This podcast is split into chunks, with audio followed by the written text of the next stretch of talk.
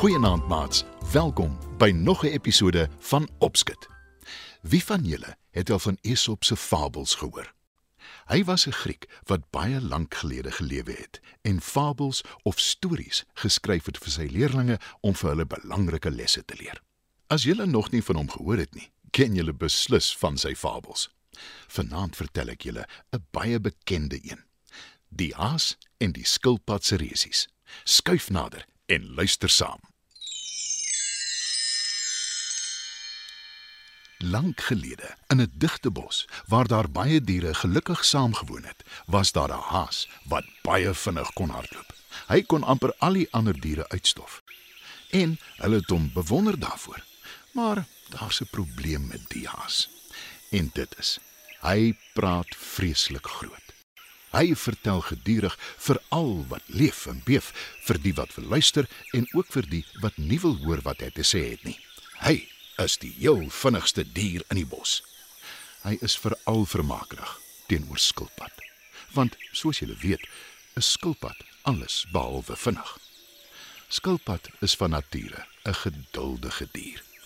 Maar hy word naderhand baie moeg vir die haas se praatjies. En toe, op 'n dag, vererg hy hom en sê: Ek het nou regtig genoeg gehad van jou groot pratery en jou vermakerigheid. Ek het 'n voorstel. Kom ek en jy hardloop resies en dan kyk ons wie wen. Haas bars uit van die lag. Hy rol rond op die grond van die lag. Hy slaan sommer bolle makiesie ook van lekker kry. Ek en jy. Resies hardloop. Ag, dankie skilpad. Ek kan nie onthou wanneer laas ek so lekker gelag het nie. sê Haas. Skilpad steur hom nie aan Haas se gelag nie en sê: Jy is vinnig. Dit stry ek nie. Maar selfs jy kan 'n resies verloor. Beslis nie teen jou nie. Jy is die heel stadigste dier wat daar is. Teen die tyd wat jy een tree gegee het, het ek al tot aan die heel ander kant van die bos gehardloop en terug. Spot Haas en voeg by: Nee, wat? Dit sal nie 'n resies wees nie, maar een groot grap. Voordat Skilpad kans kry om te antwoord, hoor hulle skielik tot hulle verbasing iemand sê: Ek dink 'n resies is 'n uitstekende idee. En moenie uitstel nie. Wat van julle spring môre oggend weg? Voor son op. Net hier. Ek sal die fluitjie blaas. Die twee kyk rond. Wie is jy? En waar is jy? Vra Haas. Felicia Vink. En ek sit op 'n tak bo in die boom waaronder jy staan. Antwoord die stem. Haas en Skilpad kyk op en hulle sien inderdaad Vink op 'n tak sit. Ek is meer as bereid. Sê Haas. Dieselfde hier. Trouwens, dit was my voorstel. Sê Skilpad. Nou ja, sien dit dat al twee van julle instem, spring julle dan tou voor dagmôre weg.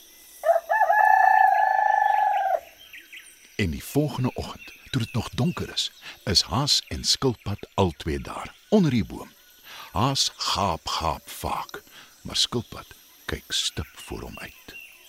Is julle reg? Wil Vink weet, Ek weet nie van haas nie, maar ek is antwoord Skilpad.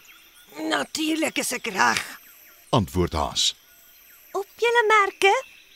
Gereed? Gaan! Roep Vink en blaas haar fluitjie.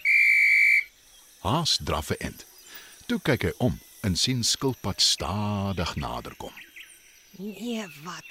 Die arme ding sal my nooit inhaal nie. Ek gaan eers 'n ruk onder die boom lê en slaap. Dis darm nog baie vroeg. sê Haas en hy voeg die daad by die woord. Hy gaan lê onder 'n boom en is sommer gou vas aan die slaap. Na 'n hele ruk loop Skilpad verby die slapende haas. Haas word wakker en lag lekker vir Skilpad. Maar Skilpad steur hom nie aan haas nie.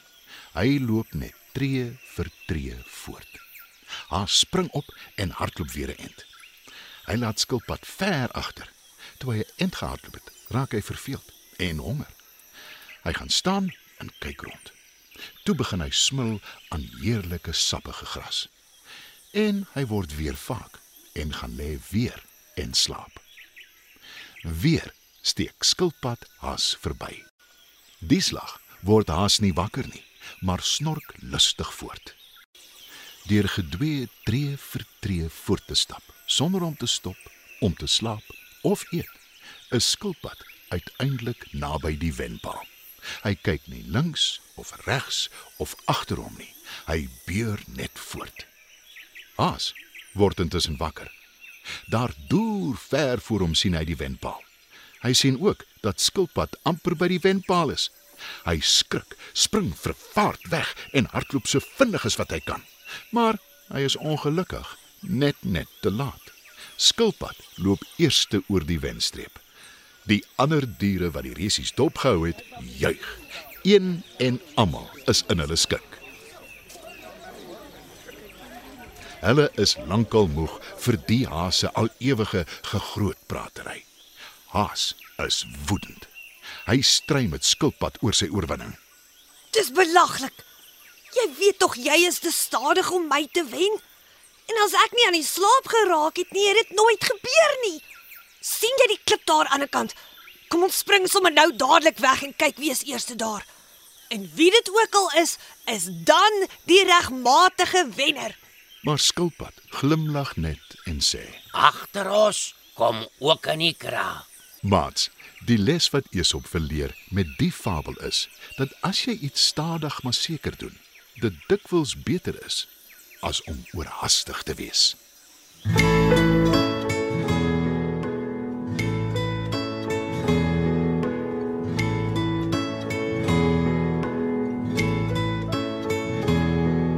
Skilpad dra sy huisie op sy rug, hy het 'n plan. Want hy kan nie vinnig hardloop as ek hom wil vang. As ek hom pla, dan kruip hy in sy harde dop en weg is sy pote en weg is sy kop. Nou waar is die skilpad? Ek sien dan net 'n dop. Skilly, skilly, skilpad, steek maar uit jou kop. Skilly, skilly, skilpad, kruip nou uit jou dop. Ek sal jou nie seermaak nie, ek sal jou nie bang maak nie. Moenie vir my wegkruip nie. Ek wil net met jou speel.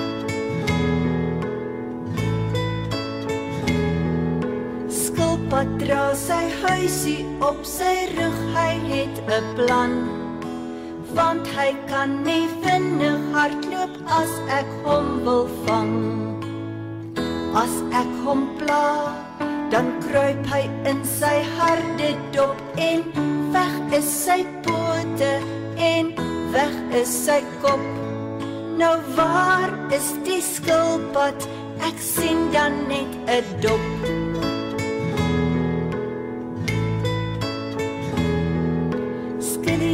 Skilly, skilpad, steek maar uit jou kop. Skilly, skilly, skilpad, kruip nou uit jou dop. Ek sal jou nie seermaak nie, ek sal jou nie bang maak nie. Moenie vir my wegkruip nie. Ek wil net met jou speel. Skilly, skilly, skilpad, steek maar uit jou kop. Skilly, skilpad, kruip nou uit jou dop. Ek sal jou nie seermaak nie, ek sal jou nie